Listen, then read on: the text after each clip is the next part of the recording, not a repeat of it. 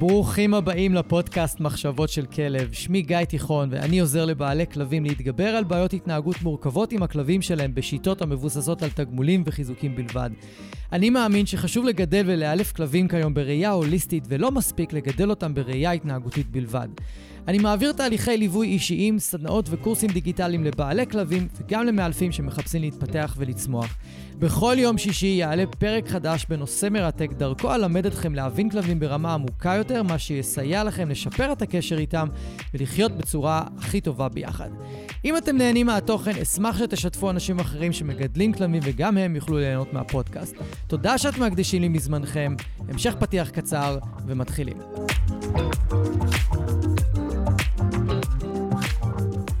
אהלן, ברוכים הבאים לעוד פרק קצר בפודקאסט, שמח שאתם איתי. היום הפרק שלנו מאוד מאוד חשוב בעיניי, כי אני הולך לעזור לכם לזהות האם יש לכלב שלכם איזה שהם כאבי בטן או איזושהי אי נוחות במערכת העיכול. אולי האוכל לא מתאים, אולי יש בעיות אחרות שקשורות למערכת העיכול, ואני רוצה לעזור לכם פשוט לזהות אם יש כזו בעיה, כי הרבה פעמים בעיות במערכת העיכול מאוד משפיעות על, מה, על ההתנהגות של הכלב, במיוחד אם יש לכם כלב רגיש.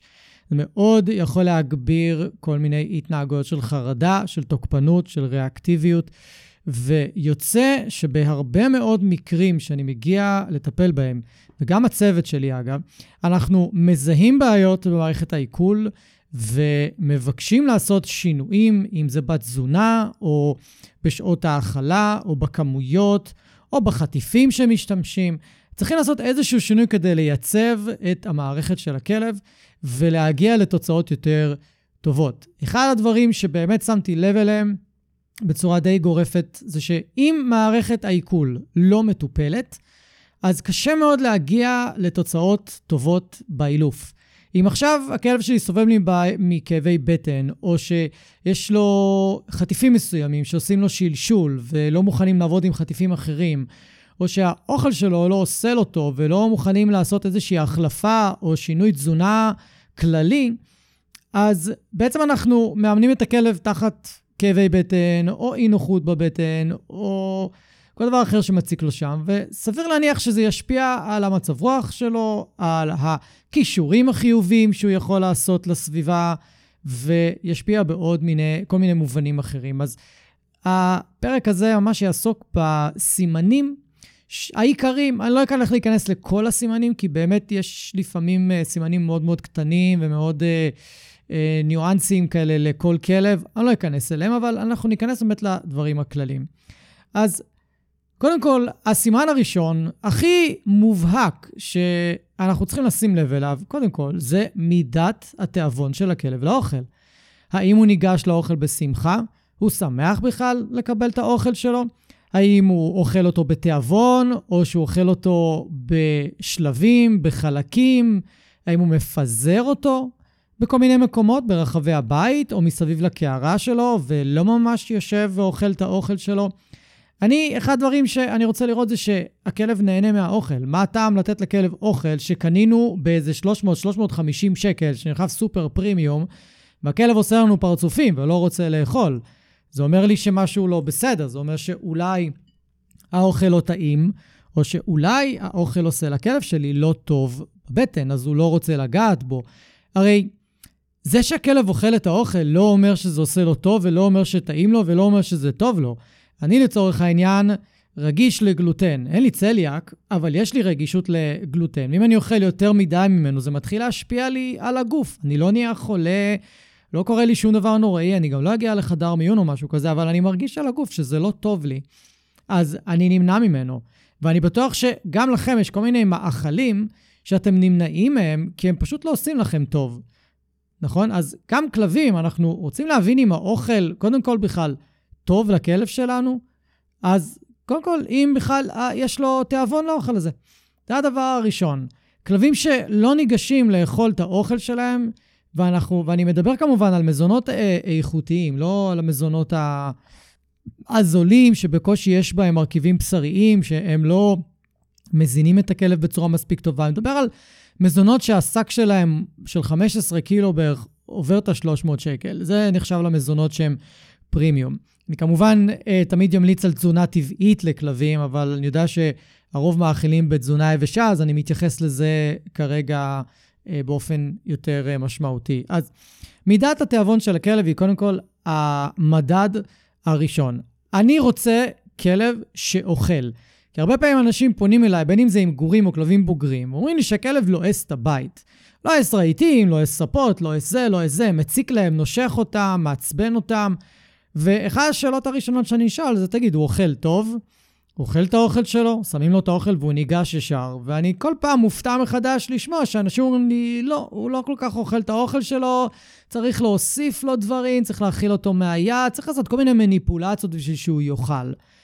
ואז כשאני אומר להם, אוקיי, אז כנראה שהכלב רעב, וכשכלב רעב הוא מתעסק עם הפה שלו, כי הוא כלב, הוא לא בן אדם.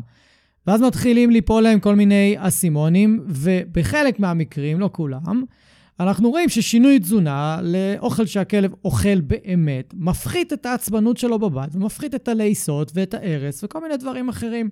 ואז אנחנו יכולים באמת להבין מה מפריע לכלב, כי חלק ממה שהפריע לא קשור לאוכל שהוא אכל. אז מידת התיאבון זה דבר ראשון. המדד השני זה כמובן, והכי חשוב, הוא הקקי. איך הקקי של הכלב שלי נראה? האם הוא קשיח? האם הוא קשה מדי? האם הוא כמו פלסטלינה? האם הוא רך? האם הוא פלסטלינה בהתחלה ורך בסוף? האם הוא שלשולי? יש כל מיני צורות לקקי. סליחה על הגרפיות, אבל אה, מה לעשות, צריך לדבר על זה. אה, ומה שהרבה אנשים לא מודעים אליו זה שקקי איכותי, שמעיד על זה שהכלב אוכל אוכל שמתאים לו ושהוא מתעכל כמו שצריך במערכת העיכול, זה קקי שברובו מרגיש כמו פלסטלינה ביד שלנו כשאנחנו מרימים אותו.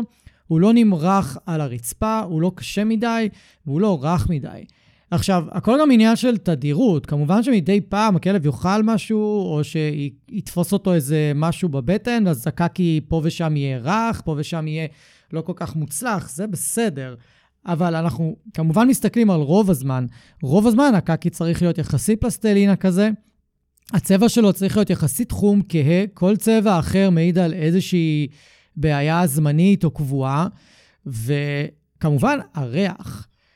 כשאני אוסף את הקקי של הכלבים שלי, שהם אוכלים תזונה טבעית, אני אין ריח. אני לא כל כך מריח שהם עשו קקי. אני חייב ממש לחפש את הקקי טוב-טוב, כי הוא גם מאוד מאוד קטן. אז איכות הקקי כאן היא גם מאוד חשובה, וגם הריח שלו. אם הריח מאוד חזק כל הזמן, זה לא טוב, זה לא סימן טוב. אנחנו רוצים קקי שהוא דומה לפלסטלינה בעיקר, ושהריח שלו מאוד חלש, ושהוא אה, קל לאיסוף, לא משאיר אה, כתמים על, ה, על הרצפה, והוא לא נמרח בשום מקום, וכשאני מועך אותו ביד, אז הוא לא נמעך לי בקלות כל כך ב, ביד. וברגע שהקקי רוב הזמן או רך או שלשולי, ובצבעים לא טובים ובריח לא טוב, אני יודע שהכלב שלי אוכל אוכל שלא עושה לו טוב, או שיש לו בעיות במערכת העיכול, או שיש טפילים, או שיש חיידקים, או וירוסים, או שאני נותן לו יותר מדי אוכל, אבל אני יודע שמשהו בתזונה של הכלב כרגע לא מתאים, ואני צריך לגלות מה זה. ולפעמים כן, צריך איש מקצוע שיעזור לנו להבין את ה... מה לא בסדר. כרגע אני רוצה לתת לכם את הסימנים של לזהות בכלל שמשהו הוא לא בסדר. עכשיו, אם תיכנסו לגוגל ותרשמו באנגלית, באמת, דוג פופ צ'ארט, כאילו אה, בעברית אה, טבלה של קאגי של כלבים. פשוט תכתבו את זה באנגלית. יעלו לכם מלא מלא תמונות, תעברו על איזה עשר תמונות כדי לקבל את ה... את המדד הנכון ל... לאיך קקי אמור להיראות, ותהיה לכם תמונה בראש לאיך זה אמור להיות, ותבינו אם יש משהו שהוא לא בסדר. עכשיו, גם כמויות הקקי הן משמעותיות, כי כלב נורמלי יעשה בערך אה, פעמיים, שלוש ביום קקי, אבל אם הוא עושה שלוש, אז הכמויות צריכות להיות יחסית קטנות. לא כמויות גדולות. ואם הוא עושה פעמיים ביום, אז אוקיי, יכול להיות שהכמות תהיה טיפה יותר גדולה. אבל אם הכלב שלכם עושה בין פעמיים לשלוש או יותר, פעמים ביום קקי, וזה ממלא לכם את כל היד, כאילו אתם אוספים שקית וזה ממלא את כל היד, או שאתם אפילו לא מצליחים להכניס את זה בכל היד שלכם, חברים, הכלב שלכם אוכל אוכל לא מתאים בעליל. תחשבו שאם הכלב מכניס 300, 350 גרם ביום אוכל לגוף שלו, ומוציא פחות או יותר את אותו דבר, משהו לא בסדר. לאן האוכל ייתקל בדיוק? האוכל נזרק החוצה. אני, רוני אוכלת קרוב ל-400 גרם ביום אה, אוכל, בשר. כמות הקקי שלה היא אולי, היא אולי שליש מזה או רבע מזה במשקל. היא כלום, המשקל הוא כלום. זאת אומרת שהיא מעכלת כמעט את כל מה שהיא אוכלת, כנ"ל פפו. עכשיו, אם כלב אוכל אוכל אה, תעשייתי, לרוב, הקקי שלו יהיה בכמויות של פי 2, פי 3 יותר גדולות, ואז כאילו אני שואל את עצמי כל הזמן, אז מה, מה יתעכל בעצם?